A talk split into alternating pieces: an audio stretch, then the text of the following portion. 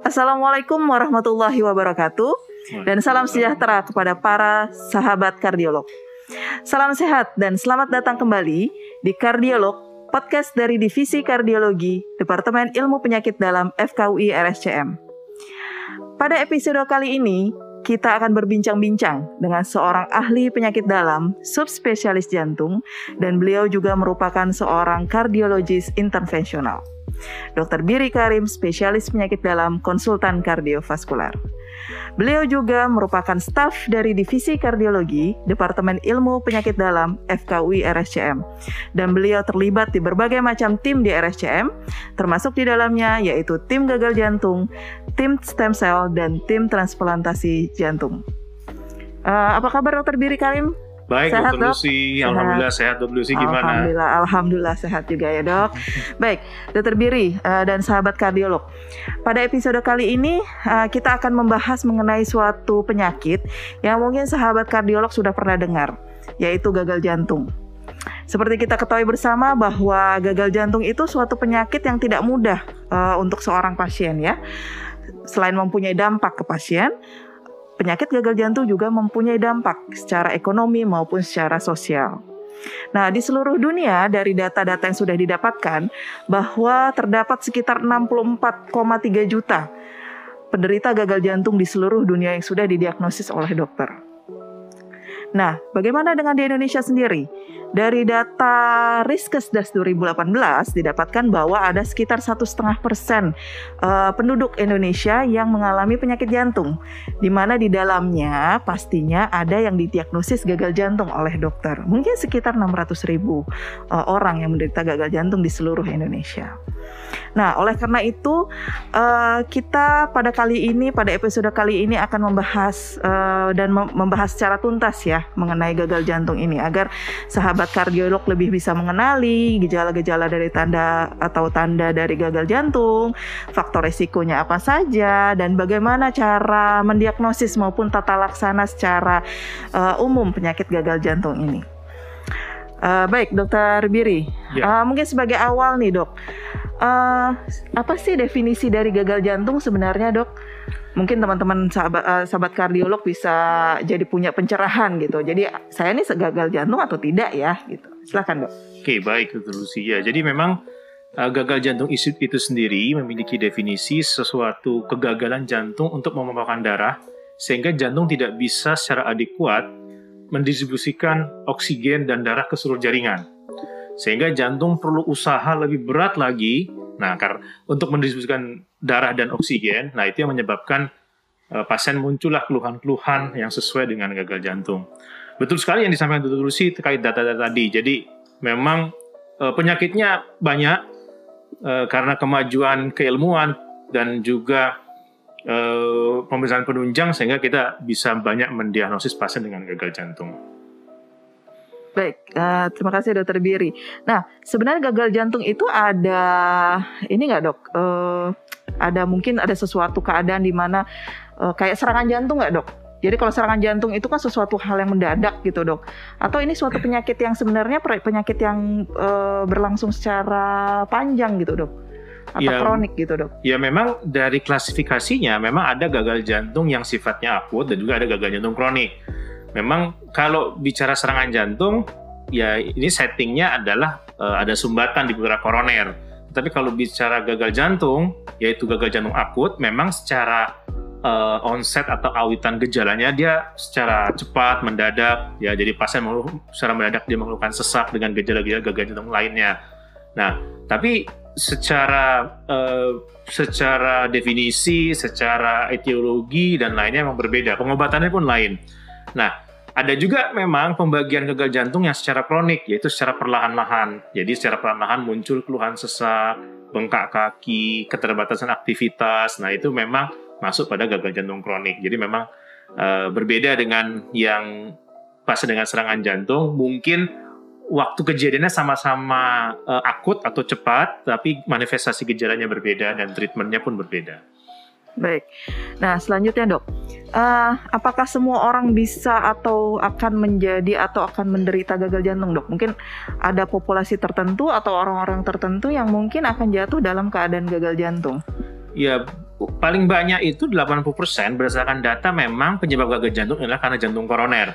Hmm. Tentu jantung koroner uh, asal muasalnya dari faktor risiko metabolik yang tidak terkontrol, misalnya pasiennya menderita kencing manis, darah tinggi, kolesterol yang tidak terkontrol, kemudian adanya uh, lifestyle seperti kebiasaan merokok dan juga faktor risiko lain di mana terjadi gagal apa penyumbatan, udara koroner sehingga dia akan berakhir menjadi gagal jantung. Nah, itu yang yang apa namanya jadi salah satu faktor risiko dari gagal jantung itu sendiri. Ya, jadi uh, sebenarnya banyak ya dok faktor risiko untuk gagal jantung ya. Jadi tidak hanya uh, tidak hanya penyakit jantung koroner aja biasanya kan orang tanya oh kalau misalnya sudah serangan jantung nanti pasti akan akhirnya gagal jantung nih gitu tapi mungkin ada faktor-faktor yang lain ya dok seperti hipertensi diabetes ya yang paling yeah. banyak tuh kan banyak ya yang sekarang kita uh, dapatkan pasien-pasien yang datang ke klinis ke praktek klinis kita sehari-hari itu pasien dengan uh, hipertensi dengan diabetes seperti itu ya oke okay. baik dok uh, kemudian hmm, gejalanya nih dok Kadang-kadang uh, suka datang dengan dok saya kok sesek ya, saya berdebar-debar gitu. Ini uh, bagian dari gagal jantung nggak sih dok? Gitu. Ya memang umumnya keluhan gagal jantung itu uh, yang yang seringnya dikeluhan pasien ialah sesak nafas, uh, limitasi dari kemampuan dia beraktivitas sampai kaki bengkak. Nah tentu harus dokter yang menentukan diagnosisnya dia gagal jantung atau bukan. Karena sering kali keluhan sesak juga tidak hanya dimiliki oleh jantung, tapi bisa juga ada keluhan dimiliki oleh organ lain, misalnya paru-paru atau reflux atau asam lambung naik juga pasti akan keluhan sesak. Nah, tapi tentu uh, ada beberapa kriteria lain yang mendukung bahwa memang keluhan itu sesuai dengan gagal jantung. Makanya pada para ahli mengumpulkan suatu gejala yang kita sebut sebagai sindrom klinik Ya, kita boleh merujuk dari kriteria Framingham misalnya untuk menentukan misalnya ada dua kriteria mayor dan juga kriteria minor yang memenuhi kriteria. Nah, baru kita bisa menegakkan diagnosis, oh ternyata pasien ini sesaknya memang karena jantung. Oh ternyata pasien ini tidak memenuhi kriteria tersebut, sehingga memang sesaknya bukan dari jantung. Jadi memang uh, sesak memang itu menjadi penanda bahwa pasien itu ada suatu ada, ada suatu keluhan yang harus kita cari penyebabnya Nah, nanti tugas dari dokter yang uh, yang dipercaya oleh pasien tersebut untuk menegakkan diagnosis sesaknya itu berasal dari mana sehingga mendapatkan treatment yang sesuai atau yang adekuat. Oke, baik. Jadi prinsipnya kalau misalnya ada keluhan, uh, jangan langsung mencari uh, uh, pengobatan sendiri ya dok ya. Yeah. Jadi harus berkonsultasi dengan dokter. Nanti dokternya akan melihat ini memang bagian atau uh, gejala dari gagal jantung kah atau mungkin dari penyakit yang lain. Mungkin kadang-kadang pasien-pasien yang dengan asam lambung uh, meningkat kadang-kadang suka ada keluhan rasa nggak enak di dada, penuh di dada dan yeah. subjektifnya adalah rasa sesak gitu ya dok ya. Padahal mungkin penanganannya berbeda gitu. Jadi pentingnya mungkin pentingnya untuk kita semua sahabat-sahabat kardiolog adalah untuk mendeteksi dini atau atau mengenali bagaimana sih gejala-gejala gagal jantung dan kapan saya harus uh, mengkonsultasikan hal tersebut ke dokter. Tentunya nanti dokternya akan menegakkan apakah ini memang uh, penyakit jantung atau gagal jantung atau penyakit yang lain gitu ya dok ya. Hmm. Jadi artinya perlu dievaluasi lebih lanjut. Baik, uh, nah dok, kalau misalnya nih uh, seseorang pasien dia sudah punya uh, faktor risiko hipertensi, nah ada lagi dia nggak ada keluhan nih dok. Nah terus tapi ada lagi yang lain uh, dia sudah ada keluhan sesak gitu. Nah sama-sama nih datang ke medical check up gitu ya dok ya datang ke medical check up.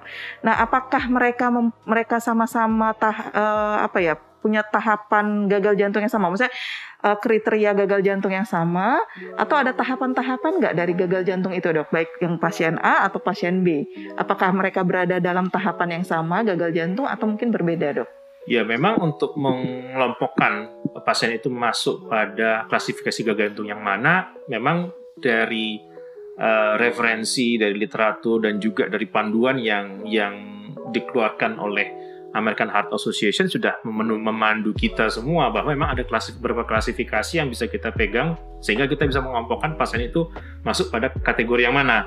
Contohnya begini, kalau pasien itu ada faktor risiko kardiovaskular, misalnya pasien ada riwayat diabetes sebelumnya, ada riwayat hipertensi sebelumnya, meskipun dia belum ada keluhan uh, sesak nafas atau keluhan mengarah ke gagal jantung, sebetulnya mereka ini merupakan populasi yang berisiko tinggi untuk gangguan jantung. Hmm. Makanya rekomendasi dari panduan American Heart Association uh, sudah mengelompokkan mereka dengan penyakit diabetes dan hipertensi sebagai stage A atau at risk. Jadi mereka ini sudah berisiko. Hmm. Kita udah udah melabel sebagai stage A untuk untuk populasi diabetes okay. atau hipertensi. Nah, nanti berikutnya Kapan pasien dibilang stage B? Ya tentu setelah dilakukan pemeriksaan lanjutan sudah ada kelainan struktur, misalnya dari ronsen jantungnya pembesaran, mungkin dari EKG sudah melihatkan ada gambaran kelainan.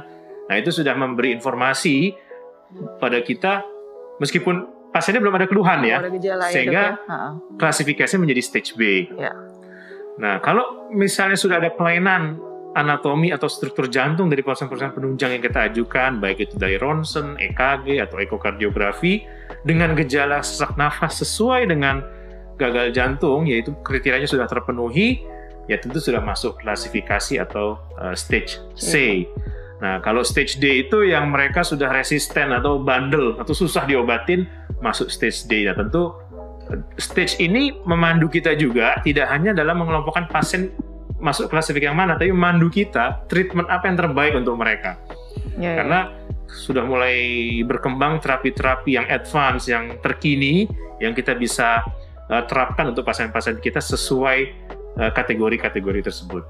Baik, jadi ada tahapan A, B, C, D ya dok ya. Yeah. Jadi yang A itu yang masih dalam at risk, yang D itu yang mungkin sudah uh, maksimal nih pengobatan, ob, dikasih obat-obatan udah maksimal nih ya. Uh, jadi mungkin perlu bantuan uh, alat-alat tambahan atau hmm. perlu maju lagi untuk terapi yang lebih uh, lebih lanjut ya. Yeah. Iya. Uh, nanti yang akan dibahas oleh tim dari gagal jantung ya dok ya. Nah dok kalau misalnya nih satu pasien itu ada di stage A gitu hmm. gitu ya saya belum ada klinisnya gagal jantung. Saya perlu cek berapa lama sih dok? Bisa setahun sekali kah? Saya perlu uh, pemeriksaan medical check up atau dua tahun sekali kah? Atau nggak perlu lah nanti aja kalau ada keluhan gitu dok? Ya sebetulnya kalau mereka yang belum ada keluhan, enam uh, bulan setahun sekali cukup hmm. untuk men, men, melakukan rutin medical check up. Nah tentu untuk rutinnya setiap dua minggu atau setiap bulannya sesuai dengan dengan kelainan-kelainan yang didapat. Contohnya gini, pasiennya ternyata diabetes, artinya dia sudah at risk stage A untuk jadi gagal jantung. Mm. Nah tentu setelah kita sertifikasi dengan pemeriksaan uh, lengkap dalam medical check up, ada item-item mana yang kita mesti rutin setiap bulan yang kita periksa. Misalnya kadar gula darahnya karena dia diabetes, ya mungkin secara rutin tiap bulan kita periksa. Sambil nanti kita lengkapi lagi pemeriksaan uh, lengkapnya. Uh, di bulan ke-6 atau bulan ke-12. Jadi Baik. Nah. Jadi sebenarnya dok kalau misalnya kalau kita lihat faktor resiko nih hipertensi, diabetes kan biasanya usia-usia di atas 45 tahun, 40 tahun ya dok. Sebenarnya bisa nggak sih gagal jantung di usia muda dok? Penyebabnya dan penyebabnya biasanya apa dok? Bisa. Jadi memang uh, kita sering menemukan tren pasien dengan gangguan jantung trennya usia muda. Ya contohnya seperti jantung koroner, ya memang dia belum bermanifestasi gagal jantung, tapi sekarang trennya jantung koroner itu sudah ada di usia 25, 28 tahun. Nah, tapi umumnya kalau pasien gagal jantung pada usia muda, biasanya memang kelainannya ada kelainan katup atau yeah. kelainan kongenital.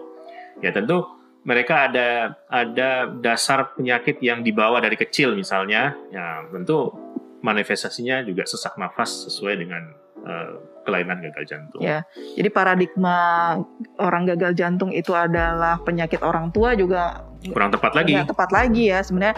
Jadi mungkin dari dulu sudah ada gitu ya, tapi mungkin uh, semakin berkembangnya ilmu pengetahuan, semakin uh, aware uh, uh, semua uh, masyarakat gitu ya. Hmm. Jadi juga kita perlu memahami bahwa gagal jantung tidak hanya pada usia tua, usia muda pun kalau misalnya memang punya faktor risiko seperti dari kelainan katup ya dok ya, atau yeah. penyakit uh, jantung bawaan juga beresiko untuk uh, terjadinya gagal jantung. Nah itu mungkin yang perlu apa ya teman-teman sahabat kardiolog juga juga mengetahui mungkin ada teman atau saudara yang uh, mengalami uh, kelainan uh, katup atau penyakit jantung bawaan itu harus uh, ada evaluasi lebih lanjut. Wah, ternyata masih banyak ya hal yang menarik yang bisa kita bahas mengenai gagal jantung. Oleh karena itu, sampai jumpa di episode gagal jantung bagian kedua. Dan jangan lupa untuk tetap follow media sosial kamu. Sampai jumpa.